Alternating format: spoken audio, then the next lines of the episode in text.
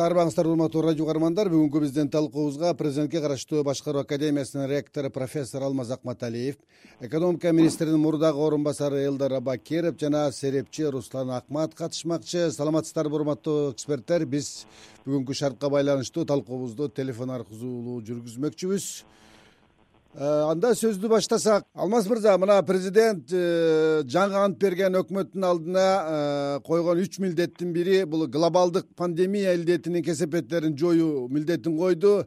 Мамлекет башчысы деги эле өкмөттүн ал илдет менен бүгүнкү күрөшүүдөгү аракетин бир так даана ачык айта алдыбы?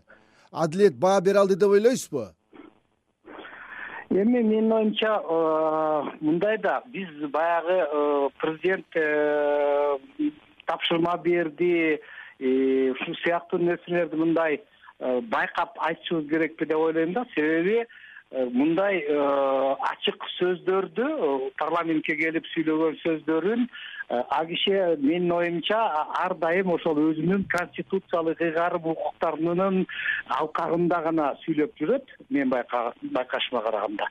Ошон үчүн биз эми эч качан унутпашыбыз керек да парламенттик президенттик башкаруунун э, алкагында жашап атканыбызды бирок ошого карабай менин оюмча мындай э, бир топ орчундуу маселелерге токтоду. Анын ичинде ошол жанагы пандемияга жараша эми Э, башынан э, катуу карантинди э, биринчилерден болуп киргизгенибиз өзүнүн чын эле баягы натыйжасын берди эми бирок тилекке каршы азыр кичине бошоңдоткондон кийин кайра ошол эки айлык эмгегибиз өзгөчө медиктердин эмгеги мындай талаага кетип атат деген мындай өкүнүчтү белгилеп кетти да. Менин оюмча туура эле баа болду деп эсептейм. Себеби Э, жалгыз эле биз э, мындай деңгээлде күрөшүп аткан жокпуз да. Жалгыз эле биз ошол э, акыбалды ушундай өңүттө мындай өнүгүп атканын байкап атабыз да. Башка мамлекеттерде биздин кошуналар европа мамлекеттери мына кытай керек болсо южный корея ушунун баары эле баягы экинчи толкунду көрүп билип атышат да. Ошон үчүн менин оюмча биз көп деле өзгөчөлөнгөн жокпуз пандемиянын күрөшү боюнча президенттин баасы менин оюмча мындай чындыкка жакын эле болду го деп ойлойм. Рахмат анда биз э, руслан мырза менен байланышып көрүшсөк руслан мырза саламатсызбы? Угуп атам. Саламатчылык. Э, жогоруда алмаз мырзанын сөзүн улантсак э, ал киши айтып жатпайбы президент э, өзүнүн ыйгарым укук ченемдеринин негизинде сүйлөп келе жатат деп. А коомчулукта бүгүнкү мамлекет башчынын сүйлөгөн сөзүн өкмөттүн отчету катары кабыл алгандар да бар да. Сиздин оюңузда кандай болду? Эми мен алмаз мырзанын айткандарын уктум мен ага кошулбайм. Эми азыркы акыркы бул чыңалууга кырдаалга Э, жараша коомчулуктун күтүүсү абдан чоң болгон. Э, президент өлкө лидери катары өлкөнүн ажоосу өлкө башчы катары ушул багыттоочу э, коомго өлкөгө элге дем берүүчү мындай күч берүүчү бир нерселер концептуалдуу бир месседждерди айтат деп ойлогонбуз да. Бирок тилекке каршы биз мындай биздин өлкөдө бир президент эмес байкоочунун позициясын чагылдырган лидердин эмес мындай жөн эле карап турган бир кишинин сөздөрү катары угулду да бизгечи жарандырган. Мен абдан көп массалык маалымат каражаттарындагы комментарийлерди соц тармактагы комментарийлерди карап көрдүм. Абдан нааразылык күчтүү анткени эпидемиологиялык абал медициналык абал мындай катастрофага жакындаган бир учурда Э, өлкө башчыбыз же чын эле өлкөдөгү абалдан кабары жок. Же болбосо коомду элди өлкөдөгү чыныгы кырдаалдан кабары жок деп э, эсептейт да. Анын үстүнө э, баягы көп айтылган сөздөрү мындай президент катары эмес өкмөттүн өкүлү катары айтканы жанагы жасалган иштерди эми өкмөт жасады да. Бирок ошонун баарын өкмөт жасады деп айткан жок жасадык деп Э, көп айтылды да бул жерде жанагы алмаз байкеге мен кошулбайт элем э, бизде ооба конституцияда анын ыйгарым укуктары белгиленген бирок биз де факто баарыбыз билебиз да. Өлкөдө деген э, кагазда жазылган башка бирок иш жүзүндө башка да. Иш жүзүндө кадимкидей эле ак үй жетинчи кабат баары менен башкарып атпайбы. Ал эми аны ким үчүн баягы эмне үчүн жаңылык да азыр биз эгер оңолгубуз келсе мисалы ушул эле убакта казакстандын касым жоморт токаевдин элге болгон кайрылуусун биз көрдүк. Экөөнү салыштырып келгенде асман менен жердей да биздин өлкөбүздүн президенти мындай абалдан анчайып кабардар э, эмес экенин кымгут медициналык жана кызматкерлердин жетишпегендиги э, оорулардын дарыланбагандыгы жөнүндө такыр кабары жок экенин көрсөтүп койду да. Анан эң басымды мен таң калганым ол э, ушунчалык баягы апат кыйынчылык эртең эл эртең эртеңки күндө эмне болот дегенде баягы шайлоого басым жасаганы мындай абдан таң калыштуу болду. Көбүнчө айтылган сөздөрүндө баягы конкреттүү бир проблеманы аныктап ага баа бербей көбүнчө керек зарыл керек зарыл деп эле мурдатан бери айтылып мурдатан бери айтылып бирок такыр чечилбеген жигип бүткөн маселелердин баарын кайра кайталаганы мындай э, жөнөкөй жарандарга бул бир э, жакшы э, болгон жок да. Мисалы бир эле мисал айтайын урматтуу мекендештер дептир өлкөнүн өнүгүүсү үчүн дептир жарандык коом ачык болуш керек массалык маалыматка каражаттары эркин болуш керек парламент күчтүү болуш керек эми биз билебиз да мына бир күн мурун эле кандай митинг болду массалык маалымат каражаттарынагы жогорку кеңештин жанагы э, тормоз болгон демилгелери мыйзам э, долбоору кандай э, артка тартканын бул жөнүндө бир дагы сөз айткан жок.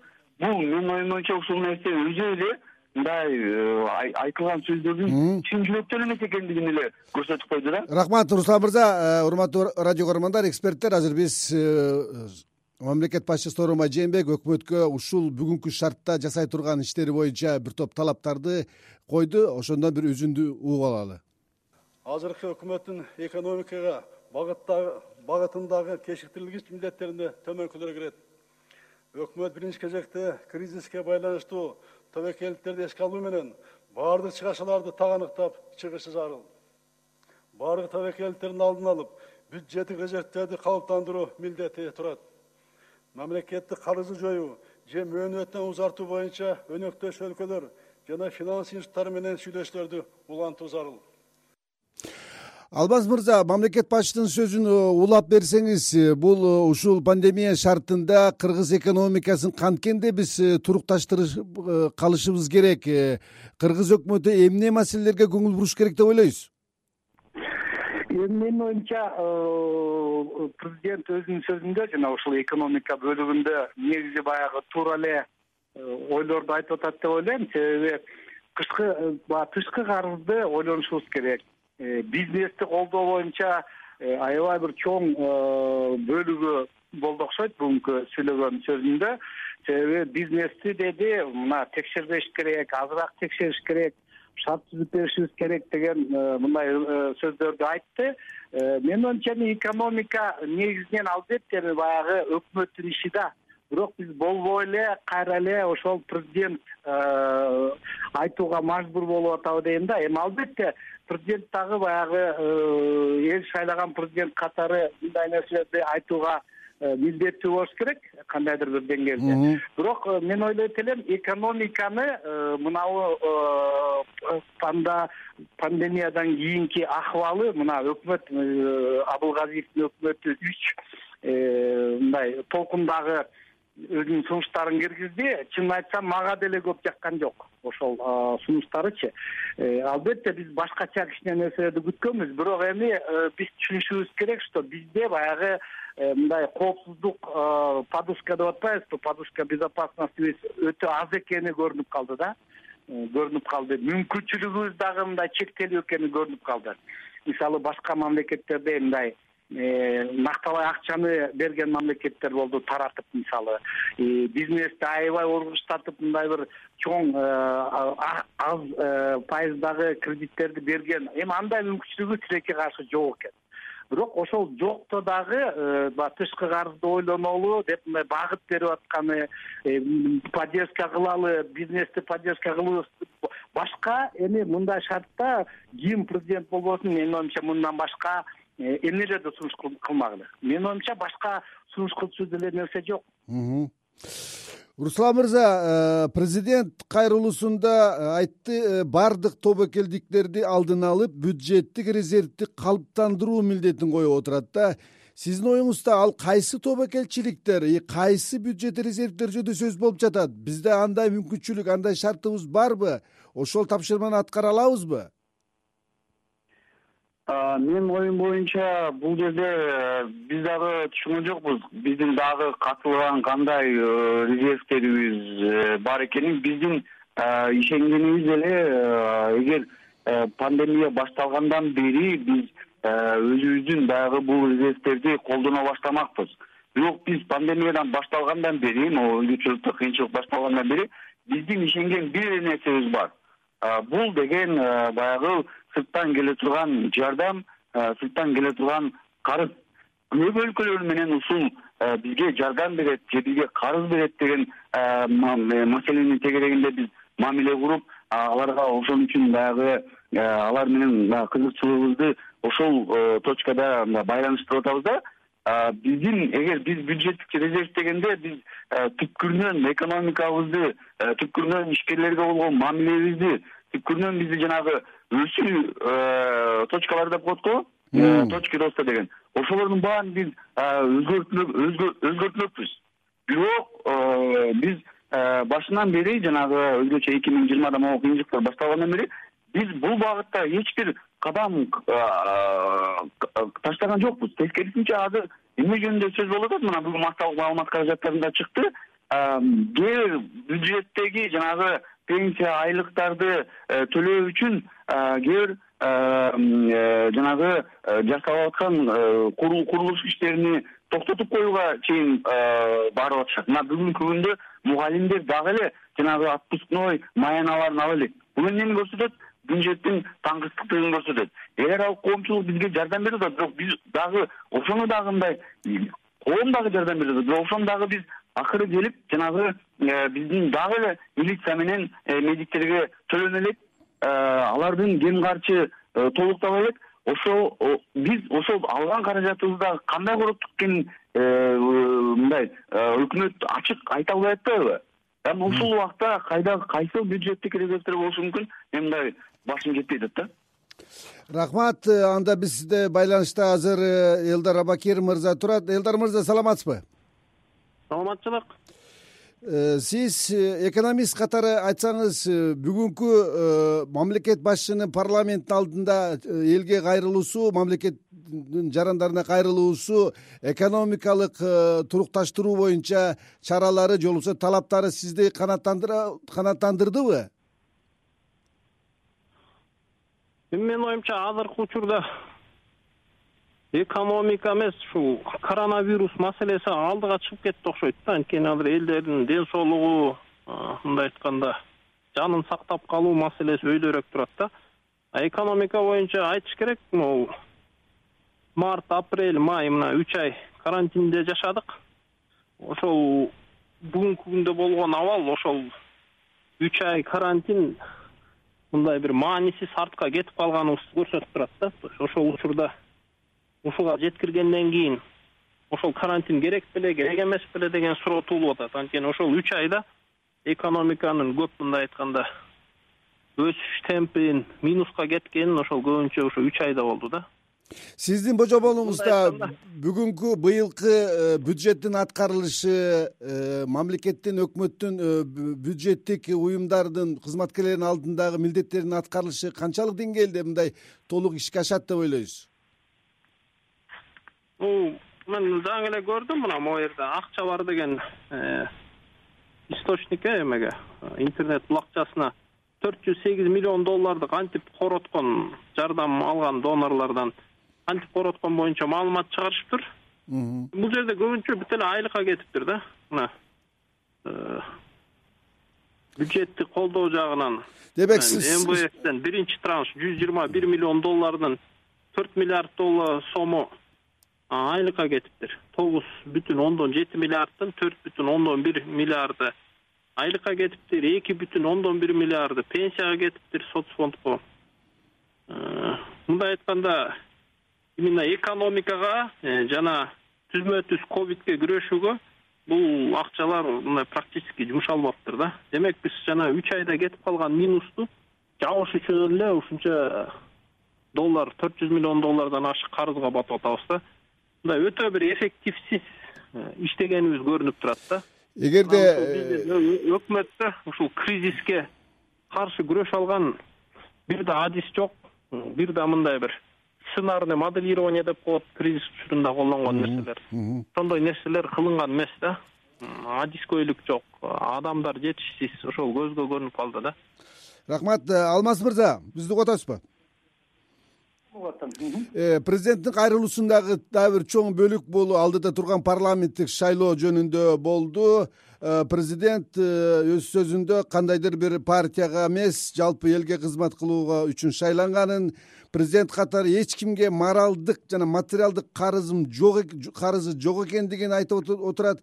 Бул сөздөр шайлоонун адилет өтүшүнө үмүт арттырат дегендер пикирлер да бар. Сиздин пикириңиз кандай эми э, э, мындай да э, бул сөз мен эч кимге моралдык дагы материалдык дагы эч карызым жок. Мен бир партияга таянбайм мен бүт элге таянам деген менин оюмча жакшы сөз. Жакшы сөз ачык сөз. Анан кийин эми бирок кээ бир эксперттер мындай критиктер айтып атпайбы. Азыр эми ушундай коронавирус пандемия болуп атса анан кийин эми шайлоону сүйлөгөнү шайлоо жөнүндө көбүрөөк басым жасаганы деп. Эми мындай да шайлоо э, кандай болгон күнү дагы кичине мындай э, кечеңдеши мүмкүн. Бирок шайлоонун мына демократиялык укуктук мамлекеттин бирден бир талабы кандай болгон күнү дагы шайлоо убагында өтүп туруш керек. Себеби шайлоо өтпөсө анда демократиялык э, карым катнаш э, жокко чыгып калышы мүмкүн да. Ошон үчүн шайлоо мен мисалы э, жаран катары шайлоо убагында өткөндү каалар элем себеби шайлоо убагында өтпөсө бийлик мындай чоң кризиске учурап калышы мүмкүн. Мурунку шайланган бийликтин легитимсиз болуп калышы мүмкүн а жаңы бийлик кел элек болуп калышы мүмкүн. Ошон үчүн эми мындай да шайлоо мен айтаар элем төрт беш жылдан бери баягы биздин э, жанагы электронный урналар пайда болуп биометрика колдоно баштагандан бери менин жеке пикиримде шайлоо төрт беш жылдан бери эле калыс эле өтүп жүрөт. Мурдагыдай баягы он он чакты жыл мурунку жанагы оргуш тартып э, урнага жүздөн эки жүздөн бюллетень салган эч жерде жок азыр. Ошон үчүн калыс өтөт дегенге мен э, толук азыр деле кепилдик бар и мурда деле акыркы парламенттик шайлоолор акыркы президенттик шайлоолор деле калыс эле өттү деп эсептейм э, башка маселе калыс деп эмнени айтып атабыз? Э то есть башкача шайлоонун участогунда мындай бурмалоо башкача ушул сыяктуу нерселер болгон жок деп эсептейм а шайлоодон тышкары участоктон тышкары жанагындай акча таратуу албетте бул чоң проблема ошону дагы э, президент аябай жакшы белгилеп кетти эми буга бут тосуп өтө кыйын. Эми дүйнөлүк практиканы көрүп атабыз ал үчүн э, мындай э, жакыр мамлекетте өтө бай эмес мамлекетте жаңы бутуна туруп келаткан демократиялык мамлекетте э, такыр эле мындай э, ушул сыяктуу добушту сатып алуу сатуу маселелерин түп тамыры менен чечип койгон дүйнө жүзүндө бир да мамлекет жок менин оюмча бирок мына акыркы өзгөртүүлөр киргизип атышат жогорку кеңеш колунан келишинче бул жагынан мен толук кепилдик бере алам. Бул катары албетте өткөн шайлоолордон кем эмес мындай ачык анан калыс шайлоо өтөт деп ишенем. Рахмат. Э, руслан мырза кайрадан биз экономика жөнүндө сүйлөшсөк. Мына жогоруда элдар мырза айтып атпайбы тиги сырттан алган э, карыз акчалардын баардыгын э, Э, ички э, керектөөлөрүбүзгө жумшап койдук пандемияга жумшаган жокпуз депчи демек биринчи жарым жылдык менен ушинтип эсептешип атабыз.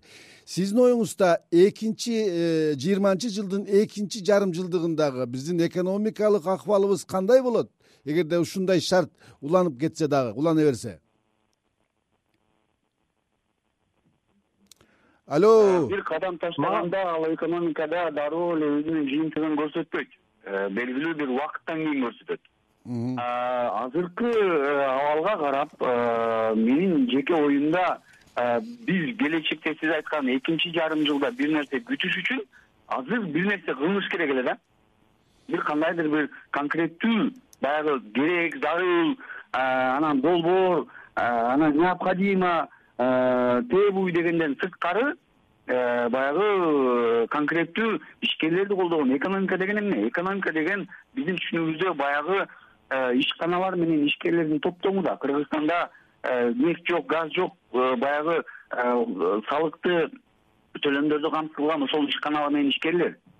Ошолорду колдой турган жаңы ишкерлердин пайда жаңы ишканалардын пайда болуусуна түшкөн кандайдыр бир кадамдар ташталыш керек. Бул кадамдар ташталган жок тескерисинче учурдагы э, иштеп аткан э, көмүскөдө эмес легалдуу иштеп аткан ишкерлерге деле дарысылуу мындай кол менен кармай турган эле э, жардам көрсөтүлгөн жок да.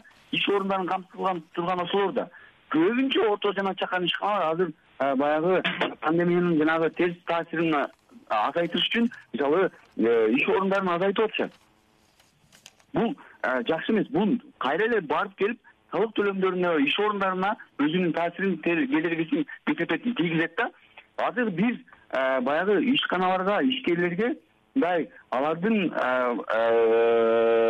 өндүрүшүнү алардын соода жүгүртүүсүнү көбөйтө турган кандайдыр бир кадамдарга барышыбыз керек. Болбосо мындай жалпы бир декларациялык нерселер менен биз бир жыйынтыкка бара албайбыз элдар мырза ушул сөздү улант бериңизчи биздин өкмөт үчүн эң кечиктирилгис э, чаралар кайсы бул бул ишкерликти колдоо боюнча инвестиция тартуу деги эле бүгүнкү оор шартта.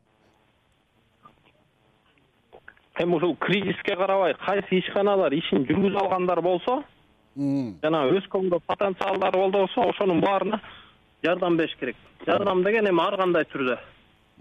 Жер болушу мүмкүн имарат болушу мүмкүн кандайдыр бир уруксааттарды алып албай атса уруксаат оборотко акча жетпей атса акча кошумча бир жабдык алганга акча керек болсо акча каражат. Э, анан бул жерде да өзбекстандын мисалын алып кетет элем алар кризиске каршы фонд түзүп именно кризис учурунда э, элдерге жумуш орун түзүп бериш үчүн э, ооруканаларды куруп атышты көчөлөрдү промзоналарды өндүрүш зоналарды мектеп бала бакча мына азыр солилецк деген жакта оренбург жакта миңдеген кыргыздар россиядан келе албай келгендер келип жумуш жок отурушат. Ошолордун баарына ушул жарым жыл бир жылга болсо дагы ушул кризиске каршы күрөшүү фонддун каражатын колдонуп э, ушундай бир кыска мөөнөттүк болсо да жумуш орундары түзүп берсек бул биздин элибизге кыйла эле жакшы жардам болмок деген ойдомун да бул жок бизде ошондой шарттар мүмкүнчүлүктөр барбы резервдер барбы ошондой жасаганга? Эми мына жаңы эле айтып кеттим кризис э, сырттан алган жардамды көбүн айлыкка колдонуп атат Э, эми бизнесмендер үчүн өтө түшүнүктүү да эгер адам иштеп иштебей атса анын пайдасы жок болсо ага айлык да эч ким төлөбөйт бул жерде макул милицияга макул врачтарга айлык төлөйлү мугалимдерге бирок кереги жок э, айлык төлөй турган кереги азыр мамлекеттик рахмат. убактыбыз э, бүтүп атат урматтуу эксперттер Э, урматтуу радио каармандар бүгүн биз президент сооронбай жээнбековдун бүгүнкү пандемия шартында жогорку кеңештин мекендештерине кайрылуусунун тегерегинде кеп кылдык. Бүгүнкү биздин талкуубузга президентке караштуу башкаруу академиясынын ректору профессор алмазбек акматалиев экономика министринин мурдагы орун басары элдар абакиров жана серепчи руслан акмат катышты. Берүүнү мен бакыт оорунбеков алып бардым кайрадан эфирден жолукканча саламатта болуңуздар